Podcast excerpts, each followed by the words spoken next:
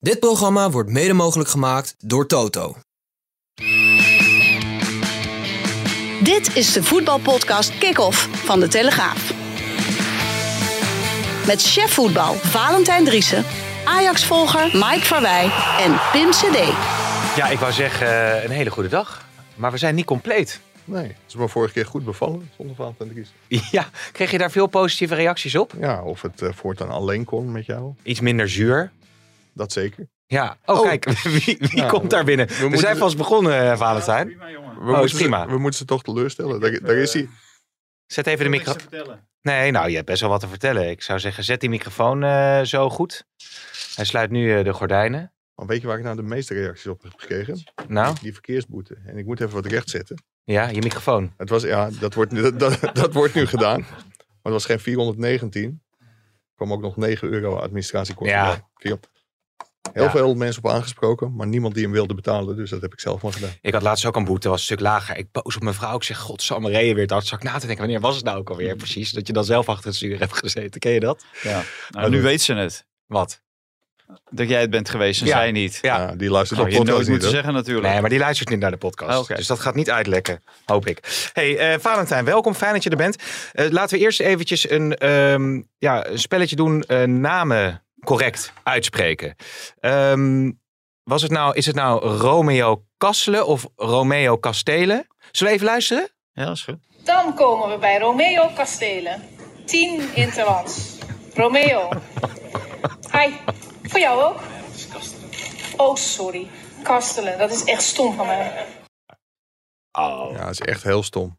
Ja, dat is, nou, sche- nou, dat vind ik, vind het, excuses, ja, maar ik vind het, als, als, als je op die functie zit, dan moet je toch weten wie Natuurlijk, Romeo ja. Is. Maar dan moet je er ook ingespo- of, eh, ingefluisterd zijn door je eh, communicatieafdeling. Ja. Die je allemaal voor je krijgt. Maar het schets het kader nog even, want niet iedereen weet natuurlijk waar dit Nee, over gaat. nou, dit- maar wie was dit? Marianne de Wolf, toch? Ja, precies. Maar, Marieke. Oh ja, Marieke de Wolf. Ja. Nee, dit, een aantal internationals waren voor de wedstrijd Nederland-België in Zeist uitgenodigd. Omdat daar is een eh wall of eh, fame, volgens mij Ja. heet dat ding. Ja.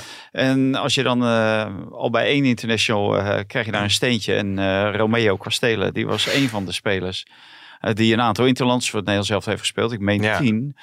En die heeft daar ook een, eh, een steen gekregen. Nou, dan krijg je een eh, korte toespraak. En ja, dan eh, krijg je deze verspreking van de directeur betaald voetbal van eh, de KNVB. Ja. het is natuurlijk, eh, geeft geen enkele pas. Nee. Robin van Persie sprak er trouwens wel goed uit. Ja? Ja, die had ze Ja, maar hoe kan je dat fout uitspreken Oh, dan? eh, ja, ja, nee, je weet het nooit, hè? Nee.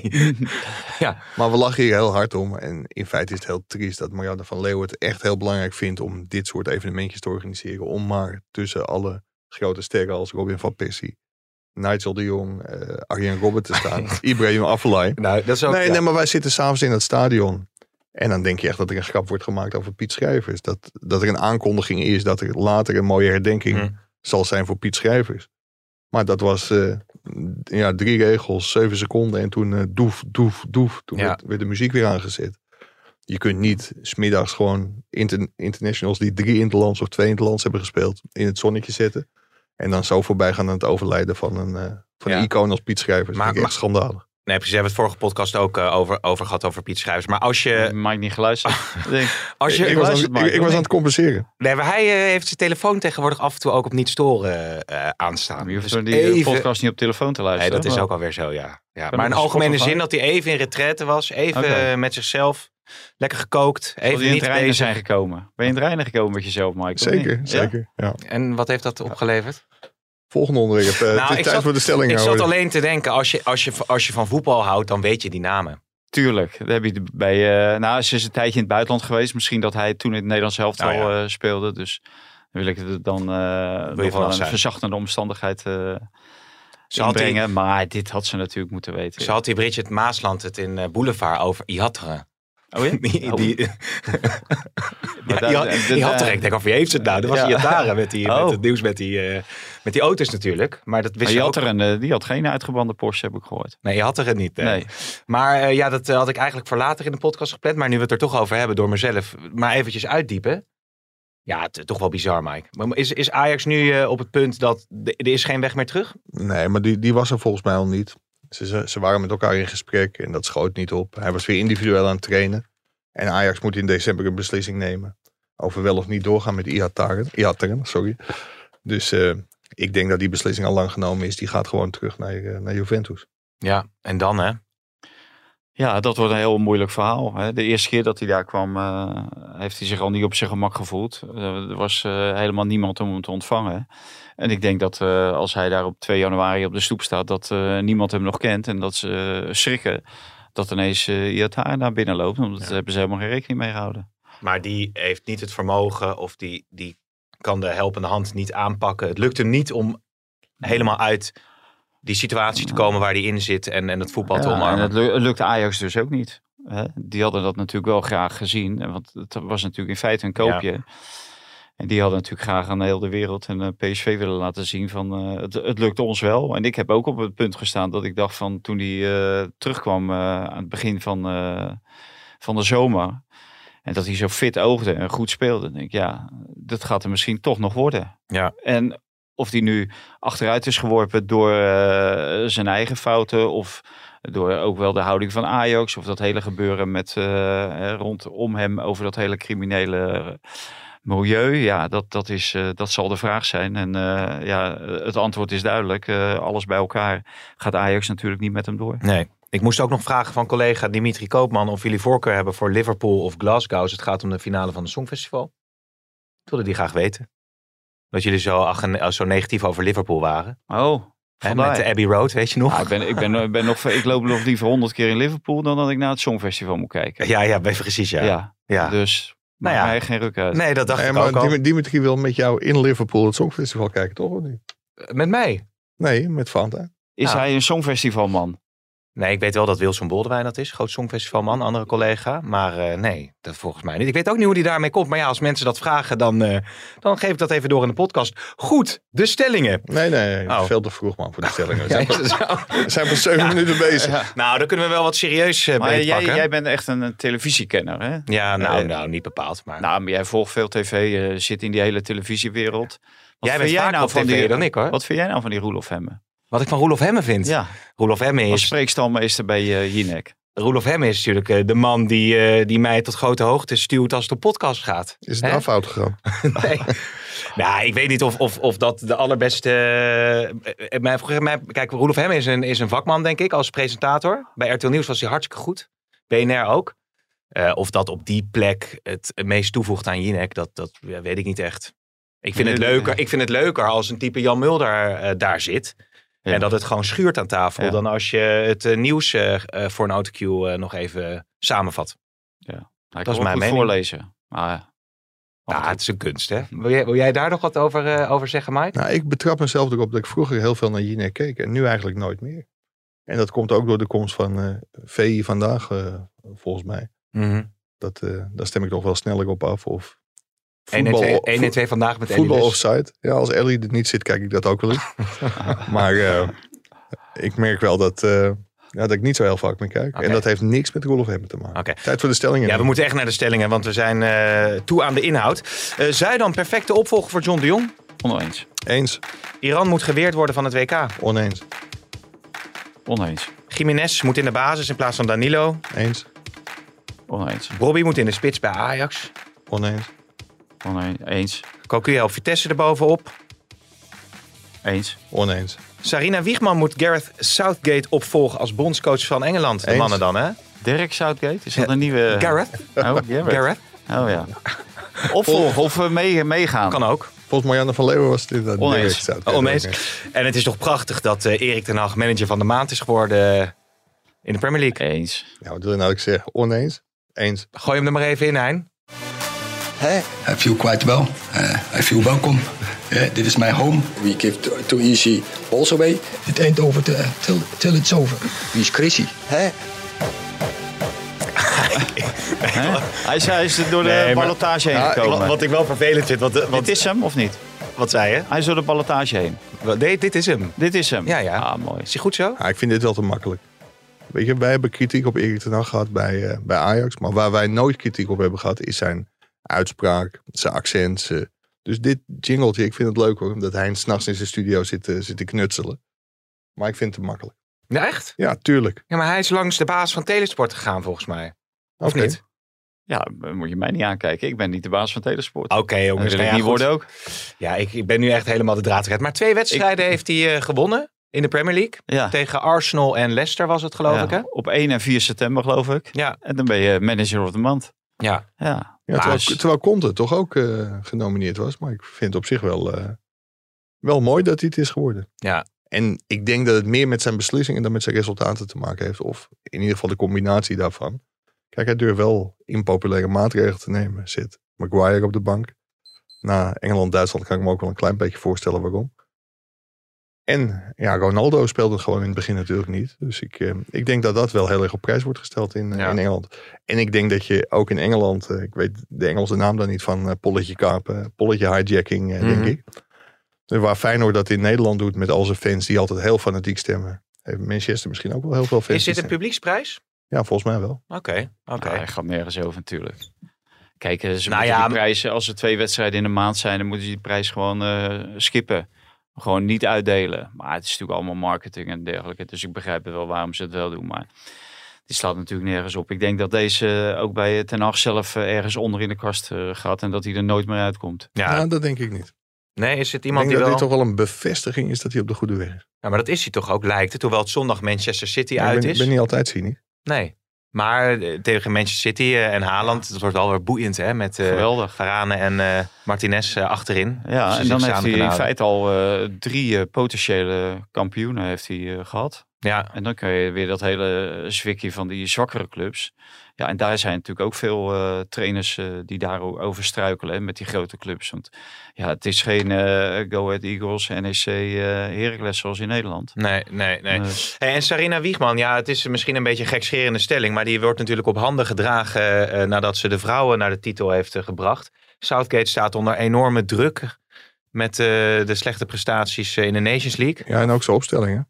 Ja, echt, echt, echt veel eh, om te doen. ja, nou, volgens mij stond hij met één been buiten toen Duitsland met 2-0 voor stond. Maar ja, als je dan uiteindelijk weer 3-3 speelt, deze man gaan ze echt niet wegsturen. Die heeft de finale van de Europa Cup of eh EK, EK gehaald. is Vorig gewoon, jaar, gaat jaar gewoon naar het. WK natuurlijk. Dus die gaat gewoon naar het WK. Alleen zou iedereen wel, eh, wat Mike net zegt, eh, op het hart drukken van alsjeblieft geen Harry Maguire meer. Nee, wel pijnlijk hoe zo'n carrière dan kan afglijden. Nou, dat is helemaal niet pijnlijk. Als je ziet wat de man iedere maand op zijn salarisstrookje eh, ziet Ja, en krijgt, dan eh, vind ik het helemaal niet pijnlijk. Ik Dat hoort er gewoon bij. Ik vind het veel pijnlijker welk vakwerk wij hier elke week leveren. En wat wij op ons salarisstrookje krijgen. ja p- spreek voor jezelf hoor, ik heb geen klagen hè. Nee, ik Zeker, ik zeker. niet. nee, ik ook, ik ook niet hoor. Nee. Nee, absoluut. Hey, eh, laten we heel even naar, eh, naar Ajax gaan. Eh, ja, het is een beetje zo'n week dat je denkt, weet je, het Nederlands elftal heeft gespeeld. Het moet allemaal nog een beetje op gang komen. Ja, maar wat zijn de laatste ontwikkelingen daar? Natuurlijk Ja. verlies. dat Ajax eh, heel lang heeft moeten, moeten wachten voordat ze die, eh, die nederlaag bij AZ, die pijnlijke nederlaag bij AZ, konden wegpoetsen. Mhm. Ja, en dat kan zaterdagavond tegen Go Eagles gebeuren. Dus dat, dat is wel heel lang. Het is een enorm cliché, maar spelers en trainers zeggen altijd dat ze het liefst zo snel mogelijk de volgende wedstrijd spelen na een nederlaag. Want dan kunnen ze die nederlaag rechtzetten. Maar ik denk wel dat Ajax gebrand is op een eh, goed resultaat tegen Go Eagles. Vooral omdat ze vorig jaar vijf punten verspeelden tegen, tegen Go Ahead. Ja, Thuis 0-0, uitverloren. Dit is wel een hele andere Go Ahead, ook met een andere trainer, René Haken. Dus ik denk dat Go Ahead wel een ideale tegenstander is om de ellende van je af te voetballen. maar die eh florissante beginfase in de competitie eh, en ook in de Champions League, die is nu natuurlijk, dat gevoel is even weg. Eh, richting Go Ahead, maar met name Napoli. Wat zou de accentverschuivingen van Schreuder kunnen zijn, denk je? Nou ja, dat, dat is de vraag. Ik ben, ben echt heel erg benieuwd wat hij gaat doen. Het zou me ook niet verbazen als hij bijvoorbeeld tegen Go Ahead Eagles wel Bobby opstelt en dan Kudus weer tegen, tegen Napoli. Want daar kun je bijna niet omheen, vind ik. Als je ook zijn statistieken van de laatste wedstrijden ziet. Aan de andere kant hoor je binnen Ajax ook wel dat bijvoorbeeld Tadic en Bergwijn toch minder spelen met, met Kudus in de spits. En dat die meer gebaat zouden zijn bij een type Bobby. Mhm. Alleen als je ziet dat Kudus in de laatste vijf wedstrijden tegen Rangers, Heerenveen, Liverpool en AZ vier wedstrijden vijf keer gescoord heeft. Ja, hij wil daar zelf niet spelen, gaf hij, eh, gaf hij aan. Maar ik denk dat je hem altijd op moet stellen. Ja, ja, ja, ja, ze hebben natuurlijk dat grote verlies geleden, maar het is met name een overblijfsel van de coronaperiode. Ze zullen nu weer eh, komende boekjaar weer positieve cijfers gaan schrijven, natuurlijk. Dat mag ik na afgelopen transferperiode wel Is, hopen. is, er, is er trouwens, ehm, over, als je het over de nieuwkomers hebt, hè, eh Ocampos, Conceição, eh Luca, Sanchez, is er iemand die daar uitspringt, waarvan ze intern zeggen van nou, die kan dat niveau wel goed aan? Ehm, Of is dat nog even afwachten? nou, ja, het, het heeft heel lang stilgelegen en de competitie is net begonnen. Dus ik denk dat we even moeten afwachten. We moeten gewoon even afwachten. Meer ontwikkeling in Eindhoven. Ja. Maar Wil je hierop eh, aanhaken die- nog? Nou, die, die Bessie toch? Die heeft zich toch die- eigenlijk Ja, ja, ja. binnen no time in de basis gespeeld. Dus ja, ik neem aan dat ze daar wel heel tevreden over zijn. Dat die in de basis kan spelen. Daar is geen enkele discussie over volgens mij. Nee, alleen een balbezit tegen Liverpool was het nog Ja. moeilijk als je zo druk wordt gezet. Nou, ik vind ook geen eh, denderende speler, laat ik dat vooropstellen. Maar dat is een van de weinigen die zich natuurlijk als nieuweling in de basis heeft gespeeld. Ja, Ja, maar, 22 22 jaar, dus eh, die moet je ook wel even de tijd geven. Die komt uit. maar Mike, Ja. je kan voetballen of je kan niet voetballen. Nee, maar als je uit de Schotse competitie komt, maar je kunt ook dingen leren, toch? Nou, voetballen kan je niet leren. hoor. Dan moet je opbouwen, een beetje beetje meer rust aan de bal. Al- meer rust kijk, aan de bal. ik- Kijk, kijk naar die ontwikkeling Eh, van Alvarez, hè? Ja, Kijk, ja, ik Ja. wilde net zeggen. Ik bedoel, dat is Ja. ook nog niet de beste voetballer van Nee. Ajax. Maar, maar, maar die is wel met stappen vooruit gegaan. Maar dat heeft Ja. ook te maken met. Qua voetbal. Met de familie. met de familie. Die is natuurlijk overgekomen uit Mexico. En sindsdien Ja. gaat het als een zonnetje. Nou, toen ging het ook nog niet zo goed. Maar nu gaat het inmiddels wel heel erg goed. Bij PSV is er een stuk meer aan de hand. Ehm, jij zei eens, Zuidam een goede opvolger voor John de Jong. Ik heb een eh, interview van eh, de collega's Dries en Kapteins gelezen over eh, Frans van Seumeren. Die zeer te spreken was over Jordi Zuidam. Financieel doet hij het ontzettend goed. En ook qua prestaties. Ik vind dat Utrecht de lat wel een beetje te laag, te laag legt. Als je anderhalf jaar geleden nog roept dat je de top drie wil aanvallen. Maar ik denk dat PSV in de constructie die ze volgens mij voor ogen hebben. Met twee mensen op die plek. Ja, dat je daar Zuidam eh, uitstekend kunt hebben. Als ik de naam van Flederis hoor. Dan zou ik eh, altijd voor Zuidam en niet voor Flederis gaan. Valentijn? Ja, ik vind het. Kijk, eh, PSV is een club die internationaal eh, aan de weg timmert. En dit zijn twee jongens die zijn nationaal bezig. En ja, die scoren niet echt heel hoog. Hè? En als we alleen naar de transferbalans eh, gaan kijken, ja, dan doen ze het goed met de transferbalans. Maar zij leiden die spelers niet op. Dat doen die trainers. Die leiden die spelers op. Zij moeten ze verkopen. Maar als Jordi Zuidam eh, een elftal had neergezet wat tweede of derde was, of een keertje vierde, eh, dan hadden die spelers ook veel meer waard geweest. Dus ja, dat, dat zegt mij niet zoveel. Ja, ik vind dit geen, allebei niet echt sterke TD's. En Nee. je ziet nu eh, op dit moment dat er, eh, er is een soort, eh, ze willen ook een soort, eh, ja, hoe noem je dat, eh, van TD's en eh, ja, een soort, to- nou geen tombola, maar dat is ook TD's, eh, pff, hoe noem je dat nou? Zo. Worden opgeleid? Ja, worden, worden opgeleid, maar ook doorstromen, zeg maar, binnen het Nederlandse voetbal. Ja. Maar ik, ik, we- ik weet niet of dat eh, op dit moment eh, gebeurt naar aanleiding van de kwaliteiten van deze TD's. Mhm. Hè? want ja, Dat wat- er iemand wat- uit eigen gelederen komt, ja, ja, die dan maar wat- doorstroomt. ja, wa- want wat, wat hebben deze jongens dan bewezen? Kijk, als ik dan eh, iemand als Mo Allah eh, zie, Mhm. wat die bij RKC neerzet, hè, met minimale middelen, een, een ploeg continu in de eredivisie houden. En de spelers eh, die daar meer waard worden en die worden verkocht. En daarna blijven ze zelfs beter presteren, die de goede trainers aanstelt. Ja, dan heb ik daar meer vertrouwen in dan in eh Jordi Zuidam. En eh, die, die alle mogelijkheden krijgt van Frans Verzeumeren en Mark-Jan. Ja, Ja, ja. maar dat, dat was de stelling niet. Hè. Kijk, ik, Allah, daar ben ik het wel heel erg mee eens. Die heeft ook de ervaring van Vitesse. Bij de KNVB rondgelopen. Ook, eh, kan ik me nog herinneren, toen tijdens het EK in 2013 in Israël bij Jong Oranje. Was hij daar. In die tijd was hij ook eh, verbonden aan de KNVB. Ja, ik denk dat Allah ook, eh, ook wel een hele goede kandidaat zou zijn. ja. Zit al in het Brabantse, dus die hoeft maar een paar kilometer door te rijden. Oké, en een internationale naam of zo, want je had het in de video ook over, over het netwerk wat je dan natuurlijk met je mee kan brengen op die functie. Hoewel Ja. Brands heeft misschien natuurlijk ook wel, eh, wel een netwerk. Nou ja, die, die heeft natuurlijk eh, inderdaad wel een internationaal netwerk. Maar je, je moet eigenlijk, moeten we eerst weten, wat willen zij f- met die positie? Ze willen al twee mensen daar neerzetten. Tenminste, dat wordt dan gezegd. Dat heb ik niet van iemand van PSV gehoord. Dus ja, welke functiebeschrijving krijg je dan? Wat, wat wordt er gevraagd? En wordt er alleen gevraagd om eh, goede spelers of wordt er alleen gevraagd om een positieve transferbalans? Ja, Ja, een positieve transferbalans bij PSV is niet zo moeilijk, want die hebben wel een aantal spelers rondlopen die echt wel voor behoorlijke bedragen weg kunnen. Dus dat, dat is ook niet zo moeilijk om daar een positieve transferbalans van te maken. Maar het lijkt mij veel belangrijker om een eh, heel goed elftal neer te zetten. En eh, nou, om dan Jordi Zuidam even eh, weer aan te halen. Ja, zijn elftallen blinken uit in heel veel van hetzelfde. Hè, geen, er is nauwelijks balans in die elftallen tot dusver. Ja, maar als, als die daar niet voor is en hij is er alleen voor, ervoor te zorgen dat er aan het eind van de rit meer euro's opstaan dan toen hij begon. Ja, dan is hij misschien wel, capabel. Maar Ja, ja, naar PSV in ieder geval ook met eh, Luc de Jong natuurlijk nog problemen dat hij niet fit is. Langer eruit blijft. Nou, maar de weken ook nog niet terug. Dus dat zal de komende weken ook nog wel eh, cruciaal kunnen zijn in de bijvoorbeeld eh Eredivisie. nou, ja, ze staan ook bovenaan zonder Luc de Jong. Ja, Ze hebben gewonnen van Feyenoord zonder Luc de Jong. Dus, dus dat, dat, ik denk alleen wel, ik kijk eigenlijk liever iets verder met Luc de Jong in het Nederlands elftal als pinchitter. Van gaat hij, gaat hij dat halen? En dan hoef je natuurlijk geen hele wedstrijden te spelen. Maar op het moment dat jij toch eh, wat ouder bent en je, je hebt last van bepaalde blessures. Ja, die kun je ook zomaar oplopen bij het Nederlands elftal. Dat is bij de EK in tweede, eh, 2021 natuurlijk precies hetzelfde overkomen. Ja. Is die ook afgehaakt hè, vlak voor het toernooi. Maar dit, dit wordt natuurlijk wel, als je hoort dat er op een persconferentie wordt gezegd, kan mogelijk nog een aantal weken duren. Ja, een aantal weken. het is een spierblessure volgens mij hè? Ja, ja die tijd wordt natuurlijk wel heel erg kort eh, tot dat WK. En ik, ik vrees met grote vrezen voor Luc de Jong. Ik vind overigens wel dat PSV met of zonder Luc de Jong, dat is een wereld van verschil. Want je zag ook wat er gebeurde toen hij uitviel eh, in, in die Champions League wedstrijd.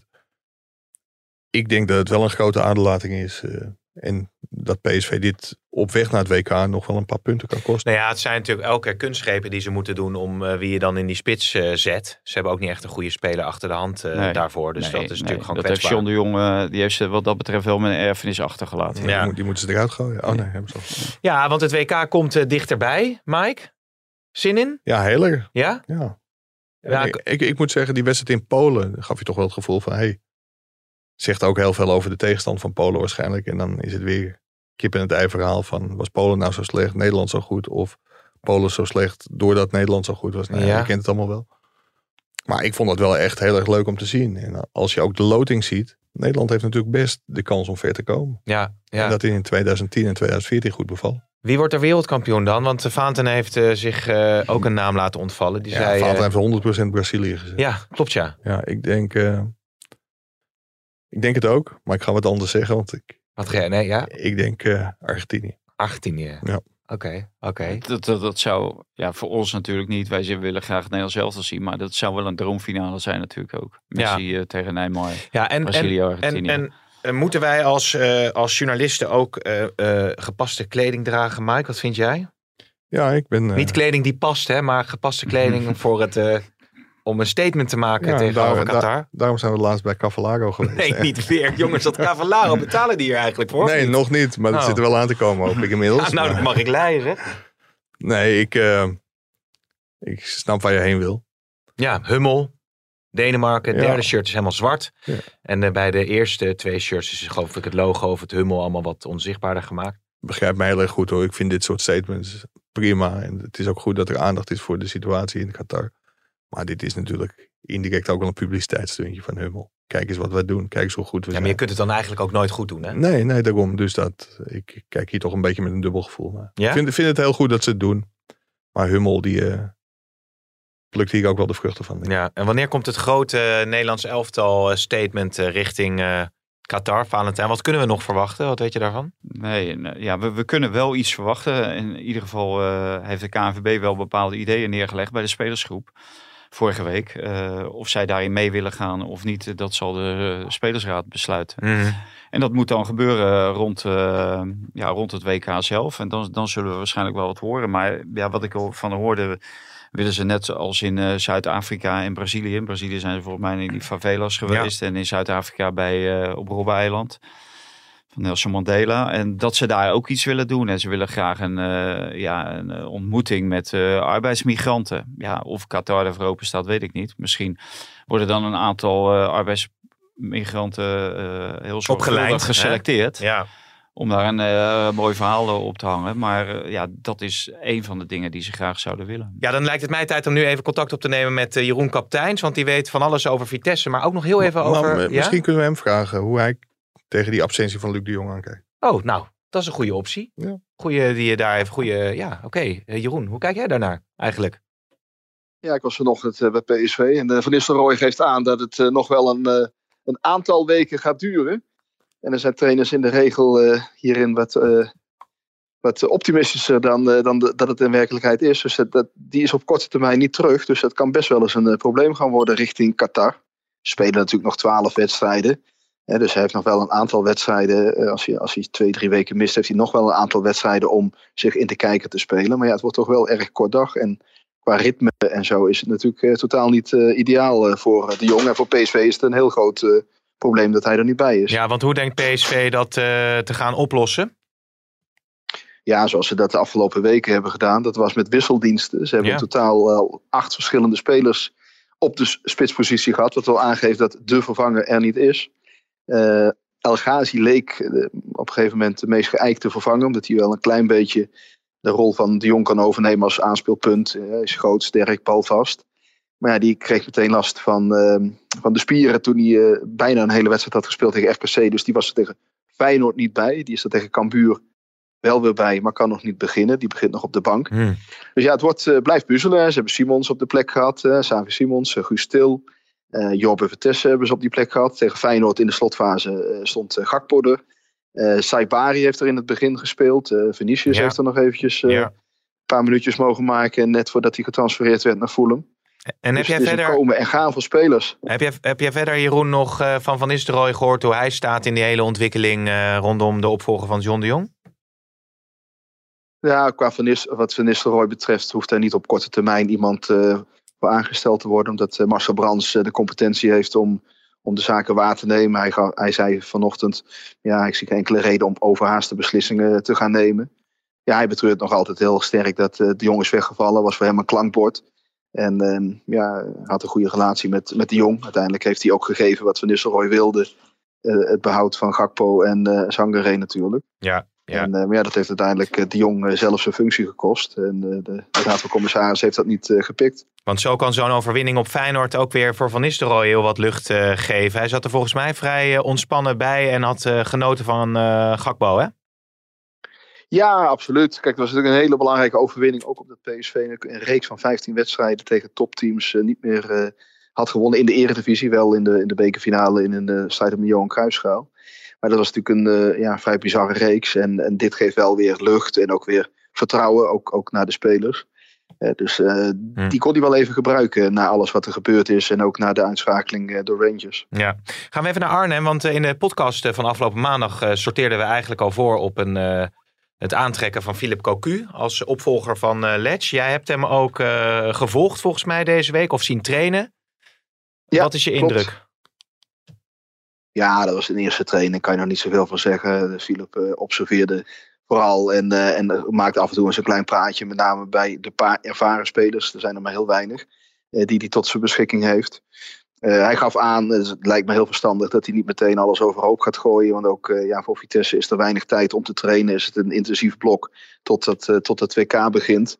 En ze hebben natuurlijk ja, ruim twee jaar in een bepaald systeem gespeeld. Het systeem van Ledge. Met, die, eh, met die drie eh, centraal en, en, en die wingbacks.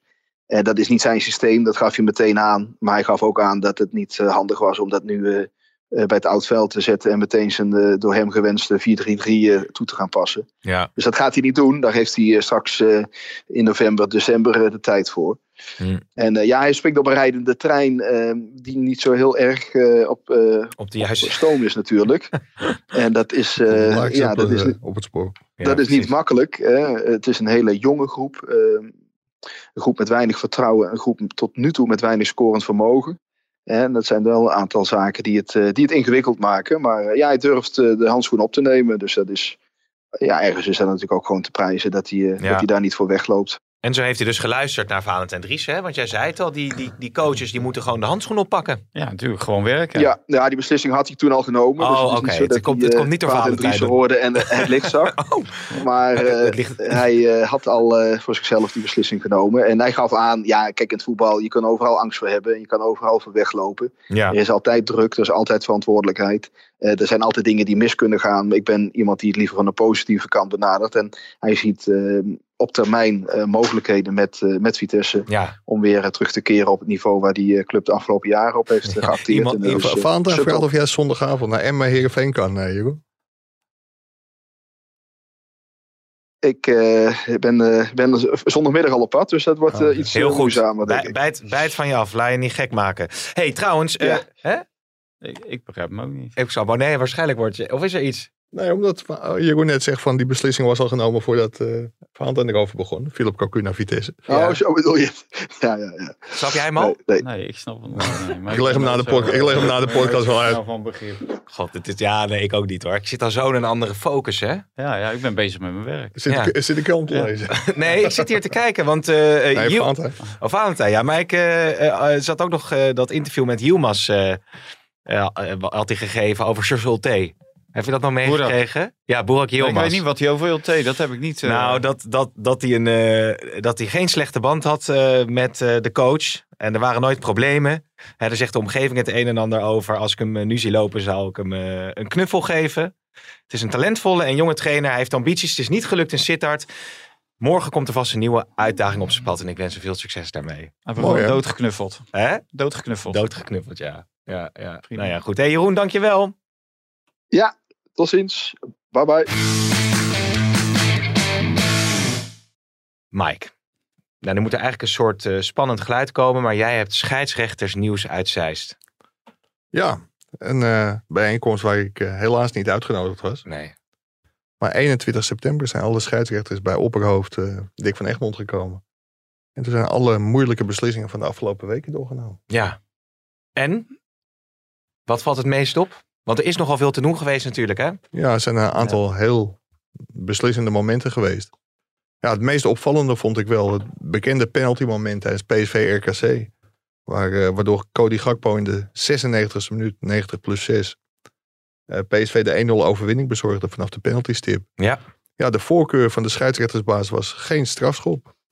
Hans Mulder die speelde eerst de bal. Simons is klein en komt richting been. Ja. Dus Dick van Egmond had liever gezien dat er geen strafschop was, eh, was gegeven. Maar vindt de penalty wel te verdedigen. Dus al met al is de beslis- beslissing niet fout. Maar het is, eh, het is niet zijn voorkeur. Hein eh, zit te gapen nu trouwens. Kan jij als, als, als, als, als Mike... Dank, dank je, Hein. Als, als, als Mike het over scheidsrechtersnieuws heeft, heb je dan iets daarvoor? Een fluitje. Ja, een fluitje of zo. Dat is wel leuk, vind je niet? Ja, Fluitje zeker. van een Dat we even zo ook weer eh, iedere week hebben we een fluitje. Ja, daarom. Of, of twee keer in de week zelfs. Affluiten met Ja. Mike Verwij. Eh, Maar niet, je- niet afhameren met Wouter de Winter, maar afluiten. Nee, afluiten met, met Mike. Maar dan, je hem- maar dan- weet je- weet maar je dan wat wil ik ook wel- een fluit, hè? geen fluitje. Volgens mij heeft Mike er nog wel een paar. Maar wat ik wel even wil zeggen is... eh, wat Dick Ja. van Egmond zegt en doet, vinden we allemaal onzin. Ja. Hè? Want die man begrijpt er helemaal niks van. Die doet alles verkeerd. En dan in dit geval gaan we ineens luisteren naar Dick van Egmond. Nee, maar het is wel spannend dat het nee, maar het is vooral komt. leuk om Of- Ja, te bespreken wat daar Dat- besproken wordt. Oh, ja dat, dat is het. Dat maar is moeten we wel- hem serieus nemen? Moeten we dit serieus nemen? Ja, daar ga ik niet over. Ja, Wat nee, ja, de Nou vraag. ja, als de scheidsrechters dat al niet doen, dan hoeven wij dat ook niet. Nee, de, dus- scheidsrechters eh, vinden dus die penalty verdedigbaar. Is er nog een ander opvallend eh, punt waar veel over eh, is gesproken? Ja, Of zeker. hoeveel wil je daarop noemen? Nou, Drie- ik, heb, ik, drie ik, ik, totaal. ik heb er vijf. Oh. Dus eh, nee, scheidsrechters Bas Nijhuis, nog die, langer eh, aan het woord dan Jeroen, denk ik. kun, je- kun je even doorgaan met de krant lezen. Maar ehm, nee, Bas Nijhuis die kreeg eh, een behoorlijke veeg uit de pan. Die had gewoon rood moeten geven aan Reinders bij die overtreding Oh ja. van Robbie tijdens AZ Ajax. Alleen degene die nog veel harder werd aangepakt, dat was de VAR van dienst. En dat is Rob Diepering. Ja, die probeerde zich nog te verdedigen door te zeggen van... ik probeerde te varren in de lijn Nijhuis. Maar dat trapte Ja. Egmond niet in. Want dat had gewoon, eh, gewoon rood moeten zijn. En dat had wel betekend dat Ajax nog 10 minuten... want het was in de 87e minuut kwamen 7 Ja. minuten bij. Maar 10 minuten tegen een man meer had kunnen spelen. Wat, dus. wat ik nog, wat, even voor de context. Hè. Die scheidsrechters zitten daar dus allemaal met Dick van Egmond eh, in Zeist. En dan, dit is de unanieme conclusie? Of is dit Dick van Egmonds conclusie? Nee, van, van Egmond geeft aan wat hij vindt. Ja, Maar dat doet hij meestal pas nadat hij eerst heeft gehoord wat de scheidsrechters ervan vinden. ja. Dus die scheidsrechters geven ook aan wat ze daarvan vinden. En dan uiteindelijk bepaalt de KNVB wat de lijn is, wat de voorkeur Oké. had gehad van de technische Oké. commissie. Zullen we er nog één doen?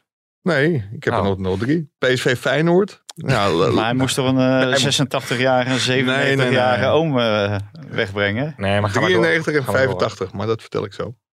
Eh Lindhout werd uiteraard verweten dat hij een corner gaf, waar het geen corner was, waar de 4-3 voor PSV uitkwam tegen, tegen Feyenoord. En hij had de 2-1 moeten afkeuren Ja, van PSV, Cody Gakpo.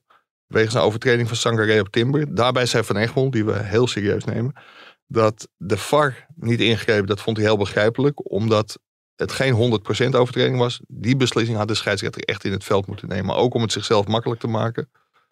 En dat de VAR niet ingreep, ja, er ging ook nog een paar passes overheen. Dat vond hij wel te billijken. Fortuna Utrecht, belachelijke penalty, ook alweer gegeven door Allard Lindhout. Na een overtreding van Tirpan op Bouzzaïd. En dat... Nee. Nee, maar Hein heeft die fluit nu klaar. Dus die wil die fluit instarten. Die wil afluiten natuurlijk. Kom maar door. Jongen. Jezus, nou, wat, Hij had al een lol en nou weten we waarom. En hij ligt nu ook echt... Eigenlijk zouden we beeld moeten hebben. wat een niveau. echt mazzel dat we nog in deze studio zitten. Oh, dan krijg ik weer de kritiek dat onze podcast weer alleen maar grappig is. Of dat we Nou, denken dat we grappig zijn. nou, dat maar zijn dit we is sowieso Hein. niet. Dat heb ik nog nooit gehoord Nee. van iemand. Dat we het niet zijn, maar proberen. Nee, maar de, Sander, Sander van der Eyck, en dat is natuurlijk best ernstig. Dat is een van de nieuwe internationals. Die was VAR bij Fortuna Utrecht. Nou, die liet een belachelijke penalty voor Utrecht passeren. Na een overtreding van Tirpan op Bouzzaïd. Dus daar kreeg hij voor op zijn donder. Hoewel Allard Lindhout dat natuurlijk in eerste, eerste instantie als eh, scheidsrechter helemaal fout zag. Maar diezelfde Sander van der Eyck, die had ook bij Sparta Ajax, Ajax een penalty moeten geven. Toen Brobby ongeveer uitgekleed werd. Dat was niet alleen een penalty, ook een rode kaart. En dan had Ajax eh, nog een tijdje tegen 10 man gespeeld. En dan was het vast niet zo benauwd geweest als het, eh, als het Hmm. nu was. Dus ja, er kwamen behoorlijk wat fouten aan het licht. En het opvallende is altijd, als je dan aan het begin van het seizoen komt. Dan is Dick van Egmond heel tevreden over het seizoen daarvoor. En dan zijn er bijna geen fouten gemaakt. Want dan wordt er natuurlijk weer een goed nieuwsshowtje opgevoerd. Ja, ja, ja. Oké. Hartstikke goed, deze informatie.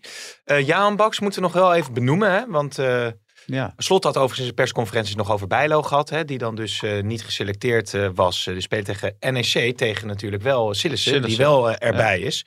Toch wel een enorm pijnlijke episode voor Welke Bijlo was? Bijlo. Vincent.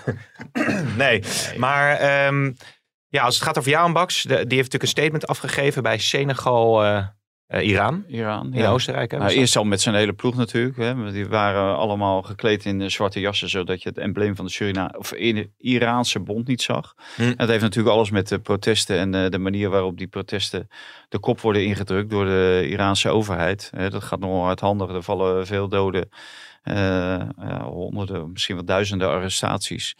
Naar aanleiding van het overlijden van eh, dat, eh, dat jonge meisje van 2, 23. Omdat Ja, ze Niet aan de kledingvoorschriften. niet de kledingvoorschriften en ehm, eh, gearresteerd werd en ja, waarschijnlijk mishandeld en is overleden.